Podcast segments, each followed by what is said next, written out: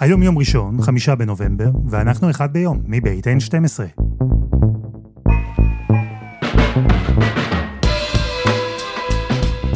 אני אלעד שמחיוף, ואנחנו כאן כדי להבין טוב יותר מה קורה סביבנו, סיפור אחד ביום, בכל יום.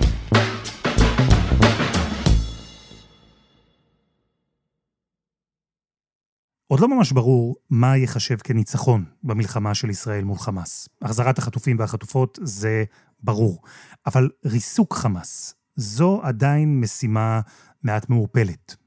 יש, אבל, כמה אירועים כאלה, שאם הם יקרו, הם יחזקו גם בציבור וגם בעולם את התחושה שניצחנו, שחמאס מרוסק. איפשהו במקום די גבוה בסדר האירועים האלה, מקרה שבו אדם אחד בעזה ייפרד מאיתנו בטרם עת. סינואר מבית שליטה, והוא האיש שאחראי להקרסת עזה. הוא חושב ופועל כרוצח, שהוכיח לעולם כולו שחמאס גרוע מדאעש כאשר ביצע את הטבח הרצחני ב-7 באוקטובר וחטף למעלה מ-200 אזרחים תמימים, מתינוקות ועד קשישים, לרצועה. אנחנו נרדוף את יחיא סינואר. אנחנו נרדוף אותו עד אשר נגיע אליו. אז ביום ה-30 למלחמת אוקטובר 23, אנחנו עם אוהד חמו ועם הסיפור של מנהיג חמאס בעזה, יחיא סינואר. האיש שבמידה רבה מגלם בעצמו את האופן שבו ישראל ראתה את חמאס בשנים האחרונות ואת הקונספציה שהתנפצה ב-7 באוקטובר.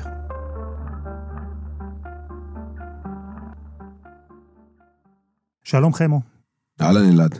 סינואר אה, היה שם בחמאס בעצם עוד לפני שהיה חמאס, הוא אחד ממקימי הזרוע הצבאית של הארגון. איך הוא בכלל הגיע לשם? אנחנו מדברים על אדם שנולד בח'אן יונס. בשנות ה-80, אמצע שנות ה-80, הוא לומד באוניברסיטה האסלאמית ברצועת עזה, מכיר את uh, מייסד חמאס, אחמד יאסין, uh, מספרים על איזו פגישה שמתרחשת ביניהם, uh, עוד ערב בכלל להקמת חמאס, עוד לפני שחמאס קם ב-14 בדצמבר 87, ויאסין מבקש ממנו להקים משהו שנקרא מנגנון אל-מג'ד. אל-מאג' זה מנגנון ביטחון הפנים של מה שהופך להיות חמאס לימים, זה אז קוראים לזה המוג'אמה אל-אסלאמי. סינואר הוא איסלאמיסט, נלהב, הדוק, והוא ארס גדול. ויאסין מבקש ממנו בעצם להקים מנגנון שנועד לפגוע בכל האלמנטים הלא אסלאמיים, או בכל מיני גורמים שמייצאים אלמנטים לא אסלאמיים ברצועת עזה. שוב אני מדבר עוד ערב הקמת חמאס בכלל. אה, אנחנו מדברים על מלחמה בזנות, ובפורנוגרפיה, ובסמים וכיוצא בזה. הוא עושה את זה, ובינואר 88, חודש אחרי הקמת חמאס, הוא נעצר על ידי ישראל, ומתישהו החוקרים מבינים שיש להם אס יחסית בידיים, אדם שמואשם בהריגה של הרבה מאוד משת"פים, משתפי פעולה ישראלים. הוא נכנס לכלא ונשפט ליותר מ-400 שנים בכלא הישראלי. אני יכול להבין שמשת"פים זו בעיה עבור ארגון כמו חמאס, בטח בשנים הראשונות שהוא הלך והתבסס, וסינואר ממש אה, נכנס לתוך התפקיד הזה. באיזה אופן הוא מילא אותו? הטיקט הגדול של סינואר, בניגוד אגב למנהיגים אחרים של חמאס שצמחו על רקע המאבק שלהם בישראל, הטיקט הגדול של סינואר הוא ניקיון של התנועה. ניקיון של התנועה ממשתפי פעולה. מאז ומעולם הוא היה כזה, כאמור הוא הקים את ה... במרכאות השב"כ החמאסי, את מנגנון ביטחון הפנים של התנועה הזו. אה, זה מתחיל בחוץ, אבל זה ממשיך בתוך הכלא, כן. כשסינואר נחשב לאדם אכזרי בצורה יוצאת דופן, כל אה, מעייניו נתונים לנקות את אה, חמאס, גם בתוך הכלא, אמרנו, משנת 88 למעשה הוא נכלא, לנקות את התנועה הזו מכל מיני אסירים, או כל מיני חבר'ה שנתפסים כמשתפי פעולה. אני במהלך השנים שמעתי עדויות ממקור ראשון, מקורות ראשונים, של אנשים שישבו עם סינואר בתא, עם אנשים שעברו עינויים על ידו, סיפורים שהם פשוט לא יאומנו, אה, השם שלו הופך להיות כמעט אגדה, במובן הזה שהוא נחשב לאחד האנשים האכזריים ביותר באזור הזה. מספרים על עינויים כאלו ואחרים שהאיש הזה מעביר, אנשים שנחשדו כמשתפי פעולה, כולל להושיב אותם על אה, פלטות אה, רותחות בבתי הכלא, לטפטף גומי על הגוף שלהם וכיוצא בזה. הוא מוציא להורג אנשים בתוך הכלא. יש סיפור ששמעתי ממי שהיה קמ"ן בתי הכלא, יובל אה, ביטון, שמספר על כך שמתישהו הם מוצאים, תופסים אסיר ערוף ראש, וההבנה היא שסינואר מעורב בדבר הזה. איש חמאס, ערוף ראש, וההבנה היא שבתוך הכלא, ומבינים שסינואר אחראי בין היתר גם על הדבר הזה. בסך הכל בואו נעשה ספוילר ונספר שבשטחים מייחסים לסינואר רצח של 22 בני אדם. האם כולם היו משת"פים? בהחלט לא. אבל האיש הזה הוא ממש מפיל את אה, חיטתו, אכזרי מאוד, וכאמור, בניגוד לאחרים שמבססים את המעמד שלהם בתוך חמאס, על הפיגוע הגדול שהם עשו, על תפקידים אה, בכירים בחוץ, סינואר בונה את עצמו מלמטה, לגמרי מלמטה, ובעיקר על בסיס האכזריות שלו. כלומר, אני מבין ממך שזה לא שמדובר באיזו דמות אה, מרשימה במיוחד, העובדה שסינואר טיפס עד למעלה, זה כי מה? אנשים פחדו ממנו? מהאכזריות שלו? אני אספר לך סיפור אישי, אני פגשתי את יחיא סינואר פעם אחת בכלא. נכנסתי לתא קטן, היו שם שישה מנהיגים בחמאס, אה, יותר ממאה מעשרי עולם בתוך התא הזה. הוא לא מרשים בשום צורה, די נמוך. לא כריזמטי, לכאורה לפחות לא במבט הראשון. אומר ואתוודה, אפילו לא ידעתי באמת מול מי אני עומד, עד כדי כך. אבל כשסינואר פותח את הפה ומדבר, השתררה שתיקה רועמת בתא, כולם הסתכלו עליו כמעט בהערצה. הוא אדם כריזמטי, הוא אדם שמשדר המון המון כוח, והוא אדם שאחד הקלפים החזקים שלו זה ההיכרות עם ישראל. וזו נקודה מעניינת, השאלה ששאלת, משום שסינואר דובר עברית מצוינת. יש ראיון אה, מפורסם שערך איתו עמיתי יורם בן נור בכלא, ושם הוא מדבר, הוא מביע שני דברים. א', הוא שליטה יוצאת מן הכלל בעברית, ושתיים, הבנה של יחסי הכוח בין ישראל לבין הפלסטינים, הוא נשמע כמעט פרגמטי. אנחנו מבינים שישראל יושבת על 200 אה, ראש אה, גרעיניים, ויש לה את חיל האוויר המשוכלל והתוקפני ביותר באזור. אנחנו יודעים שאין ביכולתנו לפרק את ישראל. אני חושב שהעמדה שלנו שאנחנו נתמוך בכל דבר שירגיע את האזור ואני אני גם עוד פעם צריך להיות בהיר מאוד, אנחנו עקשניים וכפי שמיררנו את החיים לישראלים בתקופת ההתנגדות לכיבוש, נמרר להם את החיים בדיאלוג על ההודנה. בסופו של דבר, אם נגיע להודנה, נכבד את ההודנה ונוכיח לכל העולם כפי שהוכחנו... נשמע כמעט כמו יונת שלום. אני יודע לספר לך, אנשים שישבו איתו וסיפרו לי. מספר לי אה, איש חמאס, אסיר לשעבר, שישב איתו באותו תא, הוא מספר שסינואר נהג לעשות למשל אה, שכיבות צמיחה, הרבה. וכששאלו אותו למה, למה אתה עושה את זה, אז הוא אמר, אני מתכונן להשמדת ישראל, אני מתכונן ליום שאחרי ישראל. וכדי להבין את התעלומה הזו אולי, שנקראת יחי סינואר, אתה צריך להבין ש... האיש הזה שואב את כל התפיסה שלו, את כל המקורות שלו, ממקומות כמעט משיחיים ממש. כתבי הקודש המוסלמים והפרשנות, ה, נקרא לזה בית שמאי, של, שחמאס מייחסת לכתבי כתבי הקודש, זה משהו ש... זה הבסיס של האיש הזה. אספר לך שהוא יודע פרקים שלמים, למשל, של התורה שלנו, בעל פה, בעברית. שזה דבר מדהים. כשאני שמעתי את זה בפעם הראשונה, שוב, מהאסיר שישב איתו, תהיתי ממש, הוא שאל אותי, אתה יודע פרקים של התורה? אמרתי, האמת היא שלא, לא בעל פה. אז מסתבר שסינואר כן, והסיבה לכך היא שהוא מנסה, אמ, ואתה לא מדבר פה על איזה תיאולוג גדול מדי, אבל הוא מנסה בסופו של דבר להגיע, אמ, מתוך הבנה אסלאמיסטית עמוקה, דתית, להגיע לנקודה שבה ישראל תיעלם ותושמד, הוא שואל את השאלות, אם אני ואתה נחפש את התשובות באינטרנט, אתה יודע, להבין את הצד השני, הוא הולך איתך שלושת אלפים שנה אחורה אה, לתנ"ך, ומנסה בשפה שלנו, שפת המקור, מנסה באמת להבין איך הסתיים כל הסכסוך היהודי-מוסלמי, נאמר זאת כך, ואני בכוונה כמובן אומר יהודי, משום שהמקור של זה הוא מקור דתי. אם אני מבין נכון, המעמד של סינואר בכלא באותה תקופה היה יציב, אבל הוא לא היה נחשב עדיין, בתחילת שנות האלפיים לפחות, למישהו שהוא אה, חלק מהשפיץ העליון של הארגון. אתה לגמרי צודק, למרות שהוא מצליח לבסס מעמד אה, חזק בכלא. הוא נחשב לאחד המנהיגים של חמאס אה, בכלא, אין ספק שהוא לא נחשב לבכיר שבהם, היו גדולים ורבים אחרים ממנו, אבל הוא בהחלט מצליח לבנות את המעמד שלו בתוך הכלא, עד שאנחנו מגיעים לנקודה ארכימדית משמעותית אחת, שמתרחשת ב-2006, וזה בעצם החטיפה של גלעד שליט. אם יחיא סינואר עד החטיפה נחשב למנהיג מקומי של חמאס בתוך בתי הכלא, החל מ-2006 הוא נחשב לכמעט אגדה. מהסיבה הפשוטה שמי שחוטף את שליט, בין היתר, הוא מוחמד סינואר, מפקד חטיבת ח'אן יונס בחמאס. אחיו, בכיר בזרוע הצבאית של חמאס ברצועת עזה, הקשר בין האחים מובן לחלוטין. מוחמד סינואר מחזיק בגלעד שליט בקלף הכי גדול שהתנועה הזו מחזיקה עד לנקודה הזו, ובעצם כשמתחילים לדבר על עסקת שליט, עסקה שמבשילה חמש שנים אחר כך, לאורך כל התקופה הזו, ברור לכולם, בתוך בתי הכלא ומחוץ לבתי הכלא, שיש אסיר אחד בלבד, שבמאה אחוז, בוודאות של מאה אחוז, השתחרר וקוראים לו יחיא סינואר. ואנחנו שומעים על תופעות, אני שמעתי מאסירי חמאס שהשתחררו לימים בעסקה, על תופעות פשוט מטורפות, שעולים אליו לרגל, אסירים, בתוך חמאס, משפחות שמתקשרות אליו מבחוץ, משפחות של אסירי חמאס, וכולם בבקשה ובתחינה אחת, אתה, האיש שהלכה למעשה מרכיב את הרשימות של עסקת שליט, לפחות את אותם 450 אנשי חמאס ששוחררו בעסקה הזו, בבקשה תכליל אותנו או את ילדינו בעסקה הזו. הוא צובר כוח יוצא דופן סביב הנושא הזה של עסקת שליט. האגדה מספרת, וכנראה שיש בה הרבה יותר מאגדה, שאחיו מאיים בשלב מסוים שאם יחי סינואר, אם אח שלו, לא ישתחרר מהכלא בעסקה, או אז הוא מתכוון לרצוח את גלעד שליט ולהניח את ראשו על חוף הים של עזה. כך שברור לחלוטין, החל מ-2006 ברור לחלוטין שהאיש שצובר את הכי הרבה כוח בחמאס בתוך בתי הכלא הוא יחי סינואר.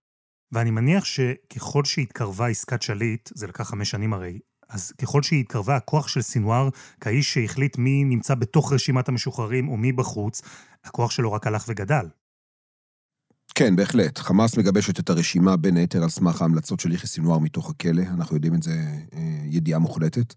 כמו שאמרנו, מגבש את הכוח שלו, אה, הולכים על עסקה, ואז סינואר משתחרר, ואם אנחנו מדברים באמת על הבעייתיות בעסקת שליט, ועל העובדה שחלק מאנשיה חזרו לטרור, אז אה, בראש ובראשונה אני חושב שהסיפור הגדול הוא האיש הזה, יחי סינואר, האיש שמוביל את רצועת עזה כבר 12 שנה, בכיר משוחררי עסקת שליט, אדם שידיו טבולות בדמם של 1,400 ישראלים עכשיו, ועוד כמובן רבים קודם לכן, והוא משתחרר החוצה. אגב, אני לא אגיד שהוא משתחרר כאלמוני, אבל הוא לכאורה עוד מנהיג בחמאס, שמשתחרר החוצה ויוצא מהכלא, חוזר לרצועת עזה ומתקבל כגיבור.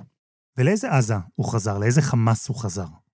הוא חוזר לעזה אחרת לגמרי. סינואר עוזב את עזה ב-88, כשחמאס אה, זה ארגון בן חודשיים, חודש בסך הכל, כאמרנו, הוא נעצר בינואר 88, חמאס נולדה חודש לפני כן, בדצמבר 87. הוא חוזר לרצועת עזה, שבה חמאס שולטת. חמאס, אחרי ההפיכה ברצועה, זה בעל הבית, וסינואר מתקבל כגיבור כמובן על ידי חמאס. ומיד, מיד, מיד מתחיל בעצם, אה, נכנס, הייתי אומר, לתוך אה, סוג של מתווה שכבר הוכן מראש, להתחיל ולהתקדם בהיררכיה גם בחוץ, לא רק בתוך הכלא, אלא גם בחוץ. המשימה הראשונה של סינואר, כדרכו בקודש, היא לנקות את חמאס, הפעם לא בתוך בתי הכלא, אלא חמאס עזה, לנקות אותה מאלמנטים של משתפי פעולה. שנת 2008-2009, יש לנו את מבצע עופרת יצוקה.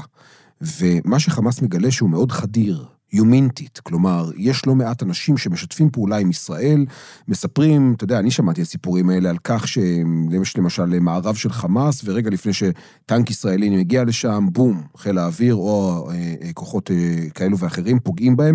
חמאס מבינים שהם חדירים לחלוטין, וסינואר הוא האיש שנבחר למשימה לנקות את התנועה הזו. ומה שקורה החל מ-2011-2012, כשהוא משתחרר, זה צד מכשפות בתוך חמאס. כשהוא לא מרחם על איש, מדברים על הרג של עשרות בני אדם, אנשי הזרוע הצבאית של חמאס, אה, שהוא אחראי להריגתם, כולל מפקדים, מפקדי שדה של חמאס. מכנים את זה, אגב, בעגה הפלסטינית, העזתית, אה, נהרג במוהימה ג'יהאדיה, כלומר במשימה ג'יהאדית. שם קוד לכך שהתנועה מוציאה את אנשיה להורג, בחשד שהם באמת שיתפו פעולה עם ישראל. כלומר, הטיקט שלו, שלו הולך איתו משנת 88' ואפילו לפני כן, הוא זה שבעצם סולל את דרכו עמוק בחזרה לתוך הנהגת חמאס בעזה. ובכל זאת, איך משם, מהמקום הזה, הוא הצליח להגיע עד אה, לטופ, עד להנהגת חמאס בעזה. הרי אין לו רקע צבאי, אין לו את ההילה הזו שיש ללוחמים אחרים בזרוע הצבאית של חמאס. תשמע, גם היה מחוץ לעזה כמעט רבע מאה. הוא יושב 23 שנה בכלא וזה הרבה מאוד זמן. אה, במונחים פלסטינים, אתה יודע, זה כאילו במרכאות הרקע הצבאי של סינואר. הוא ישב בכלא, הוא נתן את שלו. אמרנו, דיברנו, אכזרי בצורה יוצאת דופן. מגיע מח'אן יונס, יש לו מארג מאוד חזק של קשרים. אחיו, אמרנו, בכיר בזרוע הצבאית. כל הדבר הזה בעצם מייצר איזושהי תשתית שעליה הוא פוסע. ואז אנחנו מגיעים לשנת 2017. בשנת 2017, סינואר מציג את מועמדותו לתפקיד מנהיג חמאס ברצועת עזה, ונבחר. באופן לא מפתיע, אה, צריך לומר. וזה מעניין משום שמאז ומעולם היה מתח בין הנהגת חמאס חוץ לבין רצועת עזה. ובעצם בדבר הזה סינואר מחזיר את הכוח לעזה. במשך שנים, שכולנו זוכרים את ח'אלד משעל, ואחרים מסתובבים בחוץ במלונות פאר בקטאר, ובעיקר תפקידם, א', הוא לקשר את חמאס לעולם, לקטאר, לטורקיה, ושתיים, להביא את הכסף. הם צוברים כוח מאוד גדול. אבל בעצם, בבחירה של סינואר, המשמעות שלה היא שהכוח חוזר, גם שלו וגם של אסמאעיל הנייה, ראש הלשכה המדינית של חמאס, הכוח חוזר לרצועת עזה. וזה אחד הדברים אולי הכי משמעותיים שאנחנו צריכים להבין על התנועה הזו, תנועה שבמובן מסוים הכוח שלה הופקע. מאנשי הפנים, מאנשי רצועת עזה החוצה, לאורך שנים. אנחנו ראינו אנשים שבינם לבין אה, חמאס באמת אין יותר מדי. זאת אומרת, כל מיני חבר'ה גולים, אני יודע, אה, שהיו פה בשלב מסוים ויצאו החוצה, ובעצם לכאורה מנהלים את העניינים אה, מרחוק. אבל כשאסמאעיל הנייה נבחר לראש הלשכה המדינית של חמאס, וכשיחיא סינואר נבחר למנהיג חמאס ברצועת עזה, בעצם, יחד עם זה, הם ממגנטים את הכוח, מחזירים את המילה האחרונה לצורך העניין. אה, לתוך רצועת עזה, וזה בהחלט דבר משמעותי כשאנחנו מסתכלים על חמאס מאז, מאז 2017. אז סינואר קיבל לא רק את חמאס, אלא גם את עזה, בשליטה שלו בתקופה הזו. מה הוא עשה? לאיזה כיוון הוא לקח את הישות הזו שהוא קיבל? 2017 הוא נבחר, ויש אמ, סימן שאלה ענק במערכת הביטחון הישראלית, בחמאס, וגם ברשות הפלסטינית, כולם תוהים לאן האיש הזה הולך לקחת את עזה. את הרקע שלו כולנו מכירים. כולם מכירים את הסיפורים על האכזריות שלו, את הקיצוניות שלו ואת כל הדברים האלו. ועדיין יכול להפתיע אותך ולומר שלא מעט אנשים שאני דיברתי איתם מתוך חמאס, באותן שנים, אומרים, כולל במפגשים עם בכירים ישראלים ובמפגשים עם אנשי רשות פלסטינית, שאומרים להם, חברים, סינואר יפתיע אתכם. הוא הרבה יותר פרגמטי ממה שאתם חושבים, דווקא בגלל ההיכרות שלו עם ישראל. דווקא בגלל העובדה שהוא מודע לעוצמה הישראלית. דווקא בגלל העובדה ש-23 שנה הוא יושב מול תקשורת ישראלית, הוא צורך תכנים ישראלים, הוא מבין מול מה הוא מתמודד. הדמוניזציה שעזתי ממוצע רגיל שמעולם לא נכנס לישראל, אה, מקיים כלפי ישראל, או אה, היא לא קיימת אצל סינואר, הוא מכיר אותנו עם כל המשמעות, ולכן, דווקא בגלל הסיבה הזו, הוא יפתיע אתכם והוא יהיה הרבה יותר פרגמטי. ואכן ב-2018, מרץ 2018, סינואר הוא בעצם נחשב למי שהולך ומאמץ את אה, התפיסה הזו של, את הדוקטרינה הזו של הפגנות על הגדר. הפגנות הגדר משהו שהוא מנוגד ל-DNA החמאסי, משום שחמאס זה תנועת התנגדות. תנועת התנגדות שמאמינה בכוח הזרוע, פיגועים, ירי, רקטות וכולי וכולי. ופתאום הם מאמצים שיטה שהיא קצת אחרת, שונה מה, כאמור, מהצופן הגנטי שלהם. והשיטה הזו אומרת הפגנות עממיות. היא אומרת אה, מאות ואלפי ואולי גם עשרות אלפי אנשים שמגיעים לגדר, בהתחלה לפחות מיידים אבנים על חיילי צה"ל וכולי וכולי, מאוד לא חמאסי, מאוד לא חמאסי. וסינואר האיש מבין, מבין את הכוח של זה, הוא מאמץ את הדבר הזה, והוא מצליח. משום שבעקבות ההפגנות האלו, הפגנות הגדר, בעצם אנחנו מתחילים לראות את המשא ומתן, הלא ישיר, אבל משא ומתן בין ממשלת ישראל לבין חמאס. הנה זה קורה. קורם עור וגידים מול העיניים שלנו. הנה מתחילות אה, מזוודות הכסף להיכנס לרצועת עזה. הנה ה-30 מיליון דולר בחודש נכנסים. הנה עסקאות כאלו ואחרות, אה, כמובן באמצעות מתווך שלישי, אבל חמאס מחוץ לתמונה בכל מיני מערכות. והנה, ישראל לא נוגעת באנשי חמאס. ופתאום אתה מתחיל להבין ש... אתה יודע, בהתחלה מאוד הפחילו עם סינואר, והחשש הגדול היה שהאיש הזה הולך למלחמה שערה וכולי וכולי, חשש שהתגשם כמובן ב-2023, אבל באותם שנים, 2018, 2019, 2020, חמאס של סינואר הוא קצת אחר, הוא הרבה יותר פרגמטי. עד כדי כך פרגמטי, שאתה שומע בשנים האחרונות, ואני שמעתי המון, וגם הצפתי את זה על המסך, ביקורת פנימית גם בתוך רצועת עזה, אבל גם בשטחים שאומרים לחמאס, חברה, התבלבלת, את תנועת התנגדות, אבל השמנת, אכלת הרבה, אוכל קטרי, אה, התברגנת, את משאירה ומפקירה את הג'יהאד האיסלאמי להילחם מול ישראל, אתם מנהלים משאים ומתנים וכל מיני הסכמים אה, עלומים עם הצד הישראלי. איפה חמאס של הפיגועים ואיפה חמאס של אה, שחרור פלסטין ואיפה כל הדבר הזה? וזו ביקורת נוקבת שנשמעת. לימים אנחנו מגלים שבאותו זמן שהג'יהאד האסלאמי עומד ונלחם עם ישראל כמה, כמה וכמה סבבים, חמאס יושב בצד בין היתר כחלק מתוכנית הונאה גדולה, בין היתר כדי לשמר כוחות, לשמר אה, אה, אה, נשק ותחמושת, וכולנו כמובן מכירים את ההמשך. אז זהו, שלגבי ההמשך, כמו שאמרת, 7 באוקטובר כמובן, מה אנחנו יודעים היום? זו יוזמה של סינואר, הוא המתכנן, הוא הראש, כלומר, הוא היום זה שמפקד על המלחמה מהצד של אה, עזה? הוא האיש החשוב בעזה? אני לא חושב שסינואר הוא האיש החשוב ביותר בעזה היום. אני חושב שיש לנו מיסקונספציה לגבי רצועת עזה ולגבי חמאס בפרט. להבנתי, מי שמנהל את העניינים באמת, בעל הבית ברצועת עזה, הוא מוחמד דף במרואן עיסא. אנשי הזרוע הצבאית של חמאס, הרמטכ"ל במרכאות, והמפקד העליון של אה, הזרוע הצבאית של חמאס, הם האנשים שבסופו של דבר מנהלים הכל. אספר לך, אלעד, שדיברתי השבוע עם מי, עם מי שדיברתי, והוא אמר לי שמההבנה שלו סינואר, הוא כמעט בן ערובה עכשיו של חמאס. כלומר, once התחילה המערכה, לקחו לו את הטלפון, לקחו לו את כל האמצעים האלקטרוניים, מחשש כמובן שישראל תחסל אותו, הורידו אותו לאן שהורידו אותו, והוא כמעט כלוא בידיים שלהם. כלומר, תפקידם לשמור עליו בכל מחיר, על חייו. עד כדי כך אנחנו מדברים על אה, העובדה שהזרוע הצבאית היא מנותקת מכל דבר אחר, והיא בעל הבית האמיתי של עזה. להבנתי לפחות, בעל הבית של עזה באמת. או מרואן עיסא, שם שישראלים כנראה לא מכירים יותר מדי, כמובן מוחמד דף ואנשיהם. זו המועצה הצבאית העליונה של חמאס, אלו האנשים שמנהלים. אבל האם סינואר היה מעורב באמת בנושא הזה של, של השביעי באוקטובר? אני מניח שכן. אני מבין שכן. אבל צריך לזכור, צריך להבין את ההיררכיה בתוך חמאס. נכון, סינואר הוא מנהיג חמאס ברצועת עזה, אבל יש אנשים לא פחות חשובים, ואולי יותר חשובים ממנו בתנועה הזו. העניין הוא חמו, ואני מתחבר פה לתיאורים שנתת של אה, האיש, של סינואר. מצד אחד, אדם קיצוני, פנאט, אכזרי בצורה בלתי רגילה. מצד שני, כמנהיג חמאס בעזה עד 7 באוקטובר לפחות, דיברו עליו במונחים של אה, אדם פרגמטי, אדם שיודע להיות מתון. זה נשמע לי שכל הקונספציה הישראלית שדיברנו עליה בנוגע לחמאס, זו שאפשר לפנות להיגיון ולשיקול הדעת של הארגון, זו שקרסה ב-7 באוקטובר, זה נשמע לי כאילו כל הקונספציה הזאת נשענה על האופי של הבן אדם האחד הזה, של סינואר. כי הוא זה חמאס, וחמאס זה הוא באותם שנים, כמובן. והוא זה שמוביל באמת את הקו הלכאורה פרגמטי שחמאס נוקטת בו.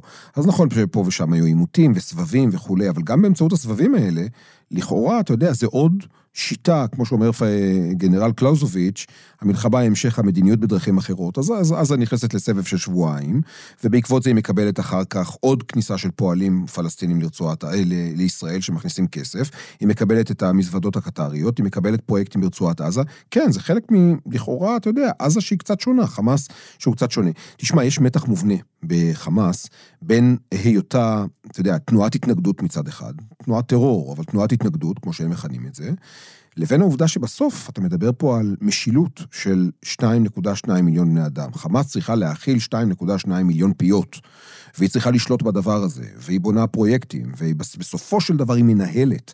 היא מנהלת את, ה, את עזה האזרחית גם, לא רק הצבאית. והמתח הזה באמת מייצר, כמו שחשבנו, קונספציה, מייצר איזושהי תפיסה שלפיה באמת אנחנו רואים שחמאס לוחצת על הדוושה ומשחרר, הולכת צעד, צעד אחד קדימה ושלושה צעדים אחורה. כלומר, נלחמת קצת, מקבל כחלק מטקטיקת משא ומתן, ואז באמת נחה לה לתקופה תקופה ארוכה. בדיעבד אנחנו יודעים שהכל היה הונאה.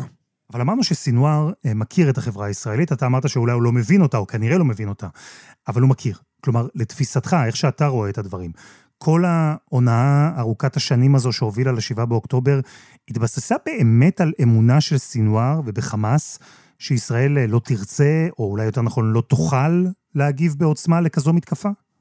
אתה יודע ששמעתי בימים האחרונים לא מעט אנשים בצד השני, כולל אנשי חמאס, שאמרו לי שהם מאוד הופתעו מאוד הופתעו מהעמדה הנחושה של החברה הישראלית, מהעובדה שהיא לא התפרקה בעקבות האירוע הזה, מהגב שישראל נותנת לצבא שלה, מהעובדה שכל ה... אה, נקרא לזה הפרמטרים שהם בנו עליהם, כמו העובדה שישראל לכאורה אה, לא יודעת לנהל מערכה לאורך זמן ברצועת עזה, חוששת לחיי חייליה, לא תעז להיכנס, כל הדברים האלה הולכים ונפרמים. האמת היא, אלעד, שמה שקרה פה זה שהפלסטינים והערבים בכלל, כולל נסראללה ואחרים, התאהבו ממש ברעיון הזה של תפיסת קוראי העכביש של החברה הישראלית. וכשאני אומר שגם יחי סינואר, אדם שקורא עברית, ואדם שלכאורה מכיר אותך ויודע, וצורך את התכנים שאתה צורך, וכנראה רואה אותי בחדשות 12, גם האיש הזה לא מבין בשום צורה את החברה הישראלית, על החוזקות שלה, על uh, uh, הקווים האדומים שלה, על המקורות הכי עמוקים שלנו, הפרנויות שלנו, על הבנה שאין לנו אלטרנטיבה. אתה יודע, אתה מדבר עם אנשי חמאס, הם מדברים איתך, תמיד הם אומרים לך, בסדר, תחזרו לארצות המוצא שלכם וכולי וכולי. חוסר ההבנה שלהם שאין פה אלטרנטיבה אמיתית לנו, שזו המדינה שלנו, זה הארץ שלנו, ואין לנו לאן ללכת ולא נלך לשום מקום, אה, יש בזה משהו שהוא מאוד חזק, ואני חושב שזה אה, גם נותן לנו איזושהי הבנה, כלי, לגבי מה דו גורם את חמאס לבצע את אותה... אה, את אותו טבח מחריד בשביעי באוקטובר עם כל המשמעות שלו, והמשמעות שלו אולי הרס חמאס, עד כדי כך. אז אם אתה מסתכל על סינואר היום, ואנחנו הרי יודעים שבני אדם הם יצורים מורכבים, מה אפשר לראות בו? אדם שהוא אה, רק פנאטי וקיצוני והתחפש לפרגמטי כחלק מתרגיל הונאה, אדם שאולי רצה להיות פרגמטי ולהתמתן, אבל נגרר על ידי הזרוע הצבאית, אדם שהוא גם וגם, תנסה לנתח לי אותו. שוב, הכל חוכמה שבדיעבד. אני חושב שהיום אנחנו מבינים שהכתובת הייתה על הקיר. כשאתה שומע את סינואר, כשאתה שומע את ההצהרות שלו ברצועת עזה בשנים האחרונות, כשאתה מבין את הקו הדקלרטיבי, ההצהרתי, הכל כך נוקשה, כשאתה חודר וחוזר לתוך הקרביים התיאולוגיים של הארגון הזה, שבשום צורה, בעיקר לא חמאס עזה אגב, ויש הבדל בין חמאס עזה לחמאס גדה, בשום צורה לא מוכן לקבל את ישראל. העובדה ששני מיליון עזתים לא רואים ישראלים כבר מאז 2007, 16 שנה. מבחינת עזה, עזה הופכת להיות כמו סוריה, או כמו איראן. היא מנותקת לחלוטין מישראל. הדמוניזציה כלפינו שוברת שיאים. גדלים פה דורות על דורות עם אינדוקטרינציה וחינוך אנטישמי מובהק, באמת. יש סרטים מחרידים שיוצאים בשנים האחרונות על כל מיני, אתה יודע, מגיל חמש ושש, הינוקה, לאו דווקא חמאסי, הינוקה העזתי, יונק שנאת יהודים ושנאת ישראל מובהקת, ממש כזו שמזכירה את איראן ומקומות אחרים. בתנאים כאלה, וכשהראש חושב ככה, וכשהתפיסה התיאולוגית אומרת את זה, וכשכולם מדברים על המלחמה הגדולה, בסופו של דבר אתה מוצא את עצמך לכאורה מופתע, אבל לא באמת צריך להיות מופתע אה, מהשביעי באוקטובר. אני כן, אותי כן הפתיע דבר אחד. ההבנה שלי היא שהשביעי באוקטובר זה אולי ההישג הגדול ביותר בהיסטוריה של חמאס, אבל כנראה זה גם הסוף של הארגון הזה כארגון שולט ברצועת עזה. אני לוקח סיכון ואני אומר את זה. אה, היה פה יתר הצלחה. ואתה יודע, אדם שאמור להבין את ישראל, ואמור להבין את ה... מה שמניע אותנו, היה צריך לדעת את זה קודם לכן. האם חמאס בנו באמת על הישג כל כך גדול מבחינתם של 1,400 הרוגים ועוד 240 אה, אה, חטופים? אני מניח שלא. אני מניח שגם הם הופתעו מהחולשה היחסית, ש... או לא היחסית, מהחולשה ש... אה, ומהכאוס הגדול ש... ש... שהשתרר פה. ועדיין הם הלכו על מבצע גדול מתוך הבנה שהדבר הזה, א', יביא לשחרור אסירים, ושתיים, ואולי לא פחות חשוב מבחינתם, ואת זה גם שמעתי מאנשי חמאס, אחת הדרישות תהיה בסופו של דבר, בסופה של המלחמה, להסיר את המצור מעל רצועת עזה. אה, הצליחו מבחינתם יותר מדי, וההצלחה הזו בעצם עשויה, הלוואי, להביא לנפילת שלטון חמאס ברצועת עזה. חמו, תודה. תודה, אלעד. וזה היה אחד ביום של N12. אנחנו מחכים לכם בקבוצה שלנו בפייסבוק, חפשו אחד ביום, הפודקאסט היומי. העורך שלנו הוא רום אטיק, תחקיר והפקה, עדי חצרוני, רוני ארניב, שירה הראל ודני נודלמן. על הסאונד, ספיר רוזנבלט, יאיר בשן יצר את מוזיקת הפתיחה שלנו. אני אלעד שמחיוף, אנחנו נהיה כאן גם מחר.